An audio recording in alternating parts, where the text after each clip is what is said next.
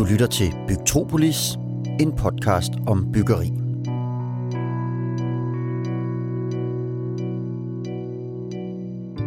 I denne tredje sæson ser vi på fremtiden i byggebranchen. Og så er det vel næppe til at komme udenom digitalisering.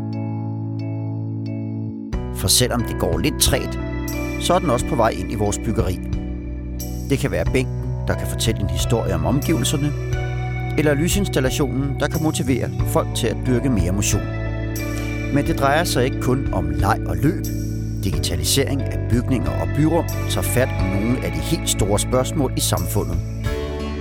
Folkeoplysning, fællesskab, demokrati og folkesundhed. Mit navn er Morten Olsen, og i det her afsnit af Bytropolis skal vi høre om mulighederne ved digitalisering. Du skal blandt andet høre mig være tæt på at proste lungerne op, efter at have løbet om kap med en digital installation.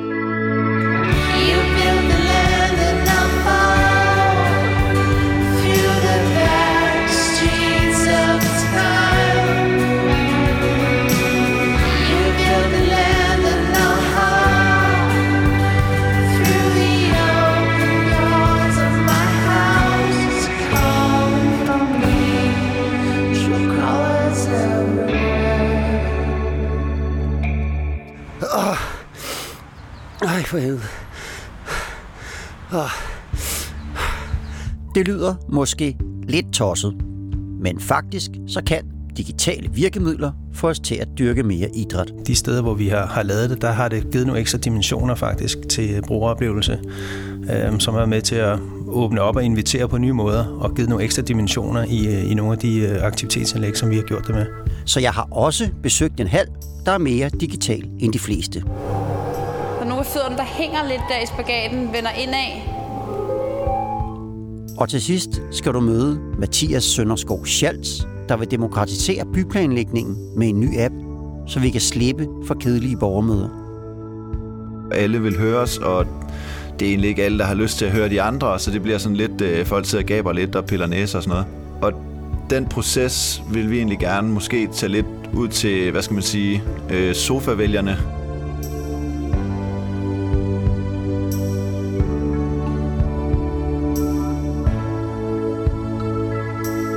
Det første sted, vi besøger i det her afsnit, det er Søndermarken, der er en park i København, lige bag ved Carlsberg. Jeg har taget min løbesko på, for her der findes nemlig et glimrende eksempel på en digital indretning for motionister, som jeg er på vej ned for at se på nu.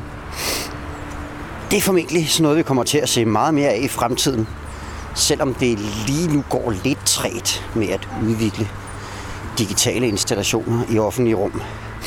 Det siger Jakob Færk, der er udviklingskonsulent hos Lokale- og Anlægsfonden, som har været med til at finansiere den her løbebane. Altså øh, ud fra de øh, erfaringer, vi har, de øh, forsøg, vi har været med i, og, og det vi ser, øh, i hvert fald det vi sådan kalder digitalisering eller elektronificering af, af faciliteter til fritidslivet, så, øh, så ser vi, at det går, øh, det går lidt langsomt. Men vi har lavet nogle udviklingsforsøg her for efterhånden øh, næsten snart 10 år tilbage, øh, og der er ikke sket øh, særlig meget siden her. Det er meget små, øh, få initiativer faktisk og også meget basisinitiativer. Øh, Men vi tror, der er et rigtig stort potentiale, fordi øh, de steder, hvor vi har, har lavet det, der har det givet nogle ekstra dimensioner faktisk til brugeroplevelse, øh, som er med til at åbne op og invitere på nye måder, og givet nogle ekstra dimensioner i, øh, i nogle af de øh, aktivitetsanlæg, som vi har gjort det med.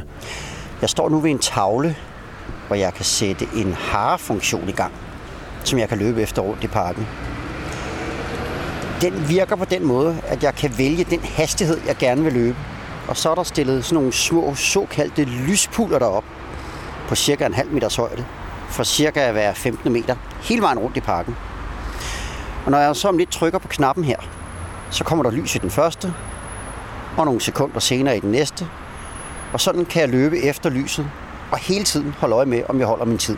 Og der er det sådan relevant i hvert fald i forhold til nyopstartet, at man kan tage en rolig, øh, rolig tempo, og på den måde ligesom pro- at lave progression. Og det vil du helt konkret kunne få, det er, at man starter med det lidt roligere tempo, og efter nogle ugers løbetræning, så kan du begynde at rykke op. Så der ligger noget progressions- og motivationselement i det, øhm, som, som bliver spændende. Og reelt set udfordringsløb, for sådan en som, som mig, så hvis jeg skal løbe på sådan 4 minutter og 30 per kilometer, så er jeg rimelig presset. Mm. Så der vil det være en, øhm, en rigtig stor motivationsfaktor, og ligesom pacing, hvis jeg kan følge med det. Hvor at, øh, hvis jeg ikke havde det bare skulle løbe på, på uret eller, øh, eller for mig selv, så var det ikke sikkert, at jeg ville kunne opretholde den hastighed her. Så, øh, så du kan bruge det som et reelt set et funktionelt træningsmarker.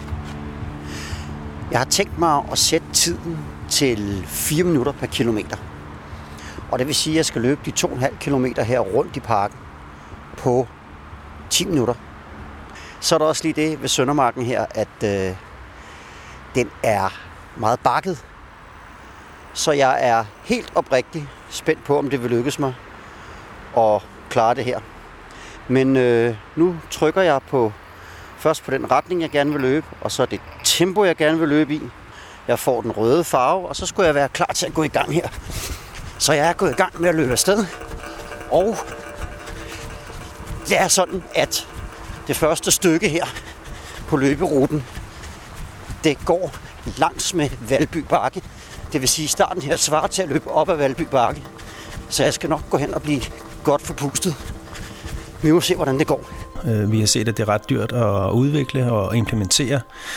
Øh, også dyrt i forhold til vedligehold. Øh, nogle af de her elementer, blandt andet noget omkring løbelys og harelys, som er indarbejdet i, i reel gadebelysning, pullertsystemer, der bliver det rigtig dyrt at udskifte nogle af de her enheder her. En pullert på den her måde her koster en 70-100.000 at udskift. Og det, det er markant dyrere end, end andre systemer. Så er jeg oppe på toppen. Jeg er selvfølgelig godt bagud allerede og fået syge af benene. Heldigvis så går det lige ud og ned ad bakke det næste stykke tid.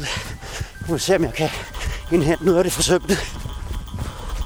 Der var også udfordringer i starten med øh, hunden, der tisser i parken, og som i princippet gik ind og påvirkede ledningssystemerne og ledte nogle, øh, nogle overløbs elektroniske problemer. Så der er kommet nogle reelle erfaringer, som så måske kan afskrække nogen.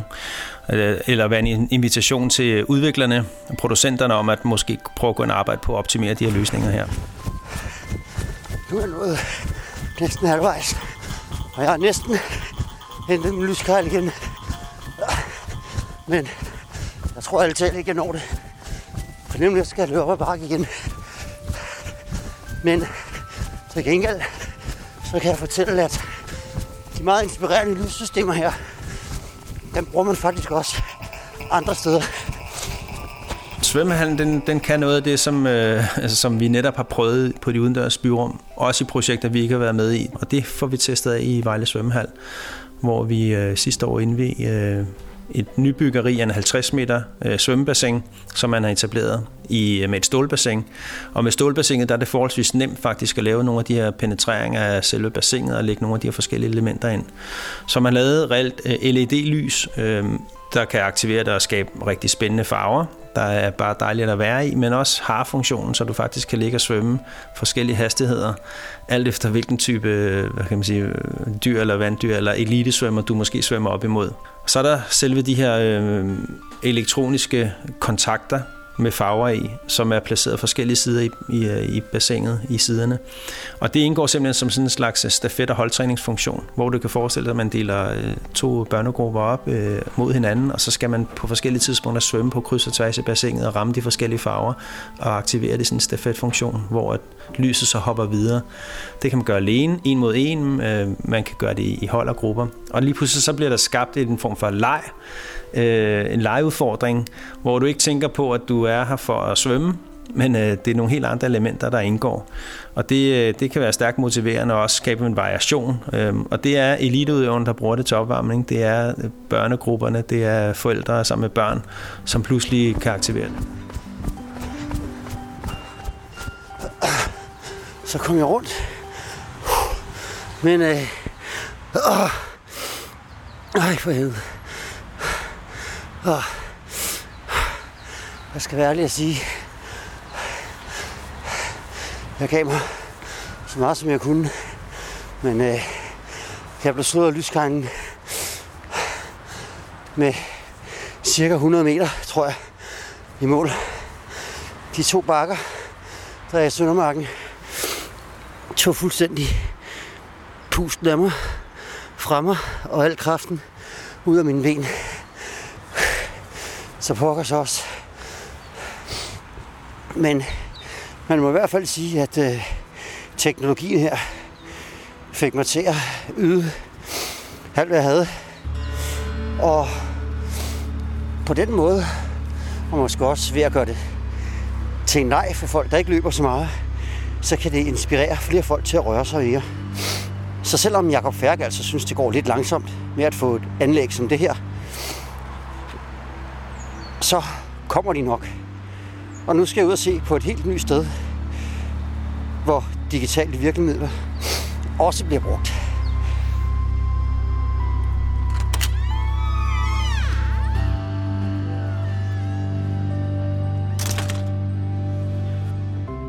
I Esbjerg Idrætsby, der åbnede for cirka et år siden, kommer her en masse motionister og eliteidrætsfolk. Og her har Helsingør Kommune forsøgt sig med små digitale greb, der kan gøre oplevelsen bedre. Den første, jeg møder, er Kit Montel, der er bestyrelsesmedlem og gymnastiktræner i Esbergære Gymnastikforening. Hun viser mig en lille boks, hvor man ved hjælp af en kode kan få adgang til de nøgler, man skal bruge. Dem, der booker sig ind i, idræts, øh, i idrætsbyen, øh, tildeler så, øh, øh, får tildelt en kode, så man kan øh, tilgå boksen og hermed tage en nøgle ud, så man kan åbne op til de funktionaliteter, man har behov for. Så du behøver aldrig have en nøgle med, når du Så jeg behøver ikke at have en nøgle med, når jeg kommer herop. Ja. Så det, det, det er slut med at stå heroppe en kold vinter i sne til anklerne, og så tænke, ah, nu ligger øh, nøglerne hjemme på køkkenbordet. Lige præcis. Det er i virkeligheden et meget simpelt aggregat, som her giver adgang til nogle af de redskaber, der er i hallen. Men det er også noget, man kan forestille sig kan blive brugt i byrummet. For tænk på alle de hockeybaner, bordtennisbroer og fodboldbaner, der står rundt omkring. Hvis der nu stod et lille skab med udstyr, som man kunne åbne ved hjælp af for eksempel en app, så kunne aktiviteterne bruges meget mere. Og det her med at bruge vores mobiltelefon er nok noget, vi kommer til at se mere til i årene fremover. Og de arbejder faktisk allerede med det her i Esbjerg Idrætsby. Så har vi hernede ja. bag i, der har vi så øh, multihallen, som, øh, ja, som ordet siger, så er det jo en, en, en hal, der kan blive brugt til forskellige ting. Men øh, en af de væsentlige ting, det er i hvert fald springgymnastik, fordi at øh, som noget helt nyt her i Esbjerg har vi så fået en springkrav. Øh, nu er den så ikke åben, kan jeg se i dag. Øh, der har de airtracken ude. Øh, men ellers her i gulvet, så øh, er der mulighed for, at man øh, trykker på en knap igen i form af sådan en nøgleboks. Og så, og så øh, åbner springgraven op, og så kan man sådan springe øh, på airtracken og så lande nede i pomfritgraven. Okay, der kommer simpelthen et hul i gulvet. Ja, Ja. det er det. Og, og nu hørte vi øh, musikken gå i gang her. Hvordan fungerer det? Jamen, den, øh, der kan man anvende Bluetooth, så, øh, så man bare via en kode på sin telefon kan spille musik i hele hallen. Okay, og det kan alle simpelthen. Så hvis jeg kommer op for at spille fodbold en øh, søndag formiddag sammen med nogle gutter, så kan jeg gøre det til Så Metallica. kan du gøre det lige præcis. Ja. Lige præcis. Okay. Udover musik via Bluetooth, så har også wifi i hele bygningen. Og wifi, det lyder måske ikke lige frem som science fiction her i 2020. Men det giver faktisk nogle rigtig gode muligheder. Herinde øh, bagved, bag de her døre, der er så et stort øh, fællesrum, som kan opdeles i to, som, som, hvor man kan ja, sidde som forældre, kan man sige, hvis man sidder i fred og ro, eller gymnasiet bruger det som øh, et øh, undervisningslokale, eller man kan bruge det, når vi har fællestræning eller camp. Og gymnasiet, der ligger her ved siden af, bruger faktisk hallen til undervisning, hvor de også har adgang til et topteknologisk laboratorium, som ellers kun er for professionelle. Her kan de teste deres kondi på kryds og tværs og se, hvor højt de kan hoppe og den slags. Hvis I bare Og nu er jeg inde med nogle andre, der er rigtig glade for wifi. 1, 2, 3, 4, 5, 6, 7, 8. For ud over netadgangen, så er der også projektorer i langt de fleste rum her, så man kan filme sin træning og se det umiddelbart efter på en skærm. For det er ret smart for dem, der er i gang her. Det er gymnaster, der skal lave helt synkrone bevægelser. Og i dag, der analyserer de deres seneste opvisning, imens de ligger i spagat. Og så kan I se, I står helt forkert, Feline og Jose der. Og det er et rigtig godt redskab, når nu man i den grad arbejder med detaljerne. Og nogle fusser der, der er bukket. Det forklarer Clotilde på 13 år, der er med på holdet. Det betyder virkelig meget, fordi at så kan man lidt bedre se ens fejl, når det bliver lidt større, end når man bare sidder og kigger på telefonen. Og man kan lidt bedre sådan skimme det en bådtog og sådan. En bøjet tog. Ja, Hvad, øh, hvad lagde du mærke til noget, du selv kan gøre bedre, da du sad og så videoen her? øh, ja, øhm, ja, der var nogle steder, hvor min tog var våd, og så også i min spring, så jeg godt, kunne jeg godt komme lidt højere op i spagat. Og træneren, der hedder Madeline Jul, er også ret godt tilfreds med de nye faciliteter til det gymnastikhold, der træner for et godt resultat til Danmarksmesterskaberne. Det har gjort det meget, meget bedre i forhold til, at da vi var på de små skoler blandt musikken, der var det sådan nogle gange sådan nogle små ghettoplaster, vi stod med, og det var nogle pigerne hoppede på gulvet, så kunne musikken sådan stoppe midt i det hele. Øhm, så så det, det har været en kæmpe fordel med musikken i hvert fald. Og i forhold til videofaciliteterne har det gjort, at vi nu kan se videoen på en helt- helt anden måde, og at øhm, pigerne ikke skal deles op i to hold, når de skal se det, men vi kan sidde og se alle ni gymnaster kan se på sig selv og på videoen. Men det behøver jo ikke gå op i idræt det hele. De digitale virkemidler vinder mere og mere ind i byrummene og naturen, forklarer Jakob Færk. Det, der også er blevet arbejdet med, og som måske er, er noget af det, der også er fremtiden, det er noget af de her med at, at fortælle om stederne, eller understøtte de forskellige spots og områder i, i byerne, og så må selvfølgelig også det her med at få nogle ruteforløb igennem byen. Øh, og der er det nemmeste, det er jo egentlig sådan formidlingsmæssigt at bevæge sig igennem byen, og der kan det jo være det her med en historiefortælling eller kulturformidling, indarbejdet i en eller anden form for elektronisk lag, om det så er en QR-kode, eller det kan være en skærm, der fortæller om, hvad sker der her, at det er faktisk noget, der kan være med til at tiltrække nogle nye, øh, nye gæster, nogle nye brugergrupper og segmenter, som ellers ikke vil komme ud og bevæge sig igennem byrummet på den måde. Øhm, det har vi set også i, i naturformidlingsprojekter. Øh, der er det her omkring øh, hele voldanlægget i København, hvor, som har en QR-kodeformidling. Vi har lavet et projekt øh, i Kalundborg øh, Kommune, Røsnes Rundt, som har en, en stærk naturformidlingselement via skærmsystemer, som fortæller om de her steder, du kan komme ud og opleve på sådan 13 landmarks placeret rundt i, øh, i området her. Så det er jo noget, der er med til at give øh, større viden, invitere ud, fortælle om, hvad du kan opleve, og som på den måde er med til at, at øh, gøre, at folk gerne vil bevæge sig ud på forskellige måder her. Så vi ser altså masser af bud på, hvordan man kan bruge digitale hjælpemidler til at aktivere danskerne og invitere dem indenfor til at få mere viden og deltage i aktiviteter, de måske ellers aldrig var kommet i nærheden af.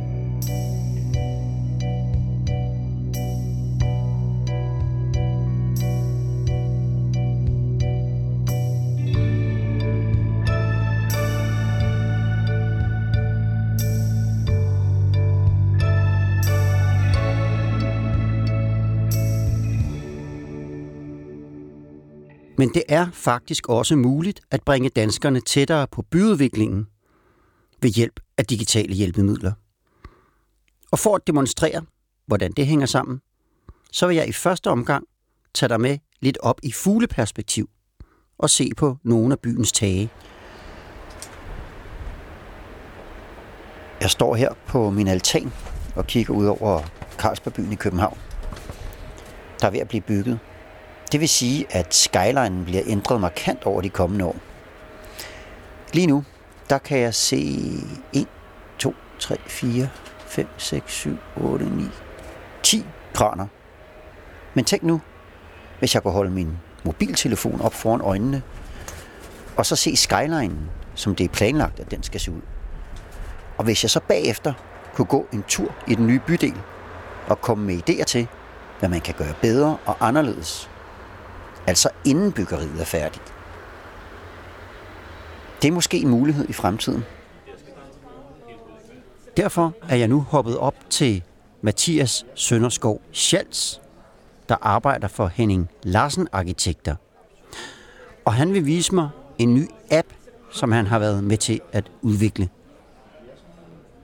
Vi sidder her ved et, øh, ved et gråt bord, og foran mig på bordet, der står sådan en bymodel Den står der ikke fysisk, men jeg kan se den gennem din telefon.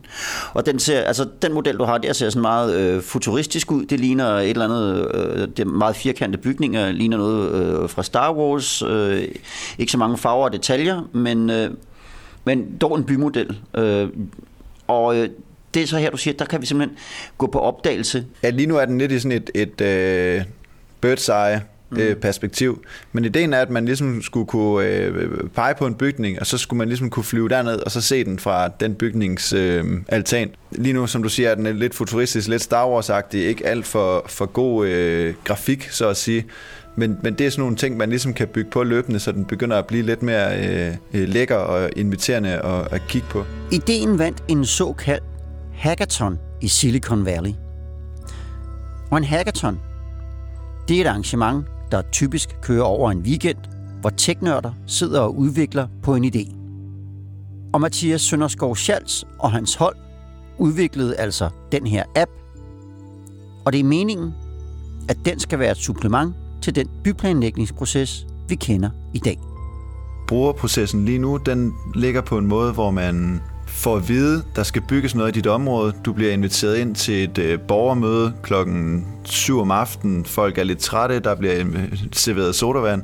Og så bliver, går, går der ellers øh, sådan tit ret øh, langdragede diskussioner i gang, og, og alle vil høres, og det er egentlig ikke alle, der har lyst til at høre de andre, så det bliver sådan lidt, øh, folk sidder og gaber lidt og piller næse og sådan noget. Og den proces vil vi egentlig gerne måske tage lidt ud til, hvad skal man sige, øh, sofavælgerne, og give alle en mulighed for at, at øh, følge med i os hjemmefra. Så lad os lige lege med den tanke.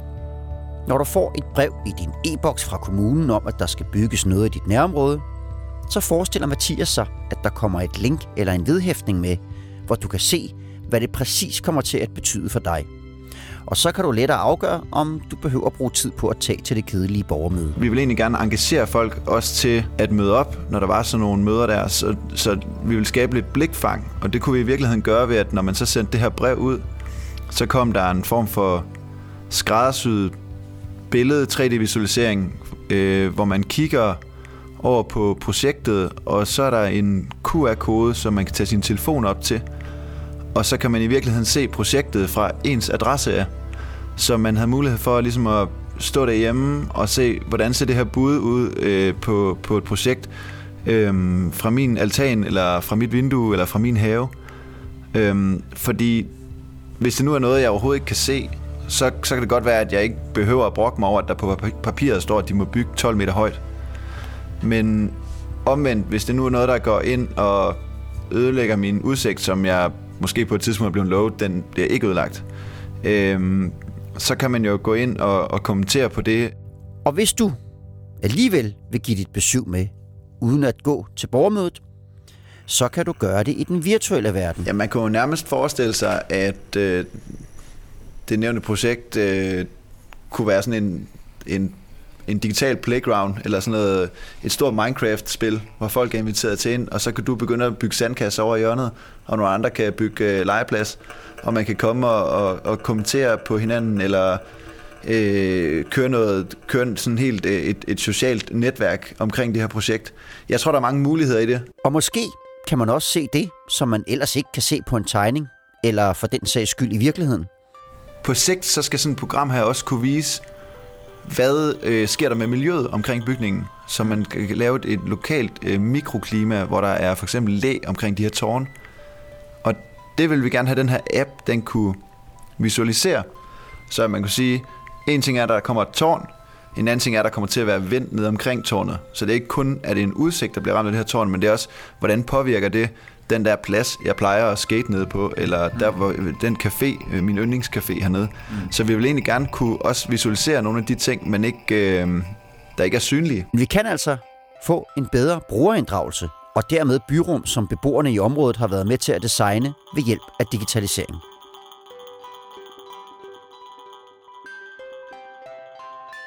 Alt det her digitalisering, det er det jo gået lidt træt med, hvis man spørger Jakob Færk fra Lokale- og Anlægsfonden. Men han tror på, at der kommer meget mere af det i fremtiden, fordi vi netop har gjort os de første svære erfaringer. Men det kræver stadig, at man tør lave investeringerne og forsøgene, og så trække på de mange erfaringer, vi allerede har gjort os. Vi begynder at tage de her ting mere til os, øhm, og det er også der, hvor jeg tænker, at der, der vil komme en yderligere vækst, men vi tror stadigvæk, det, det er langsomt. Vi er jo også med, ofte med til at pushe på nogle projekter øh, noget tidligere, og være sådan ret innovative og prøve at løfte de her projekter ind i, i god tid før, at måske befolkningen er helt klar til det i forhold til at se nogle mulige tendenser her. Nogle gange så rammer vi spot on, men med nogle af de her elementer med uderummet øh, og udemiljøet, der, der har det været for tidligt her, i hvert fald hvis vi siger 10-15 år tilbage. Der er ikke så mange projekter, som selv initierer øh, de her projekttyper her. Man tænker måske øh, stadig meget traditionelt ude i kommunerne, så der er brug for at måske skabe nogle innovationsforløb eller virkelig løfte dagsordenen op. Altså prøv at fremhæve det som et potentiale eller problemstilling, og så simpelthen lave nogle innovationsforløb med nogle rigtige partnere, som kan tage, tage udfordringer op. Fordi det er sådan, projekterne er startet de, de andre gange her. Projekterne kommer ikke bare ind af sig selv med de almindelige projekter, vi bliver ansøgt på. Det, er- det er meget sjældent, at, øh, at de virkelig har de der sådan høje elektroniske ambitioner. Det er ofte noget, vi har pushet på. Så, øhm, så en god idé kunne måske være at samle øh, nogle af de sådan, rigtige partnere og, og dygtige folk i sådan nogle former for, øhm, for videnshop på det her område her, og så lave nogle øh, udviklingsprojekter på det, for at se, hvor at der kunne være et rigtig, rigtig stærkt potentiale her, og som kunne løfte. Så vi kan med fordel tænke digitale løsninger ind i de projekter, vi laver fremover. For der er efterhånden nok viden om, hvordan man gør det bedst, og der er folk, der gider bruge dem. Og så kan man også lave dem til en pris, hvor man ikke behøver at sprænge banken. I næste afsnit skal det dreje sig om vand. For vand er noget, der har givet mange boligejere og byer virkelig store problemer de seneste 10 år. Kloaknet bukker under, og floder går over sine bredder, og vandstanden stiger ved havne og kyster. Heldigvis kan man gøre noget ved det. Og det købet samtidig med, at man laver nye fødefaciliteter og kvarterløft.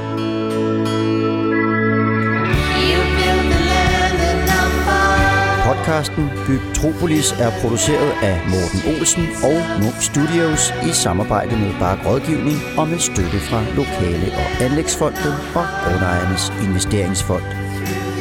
Intromusik og lyddesign er produceret af Martin Grønne.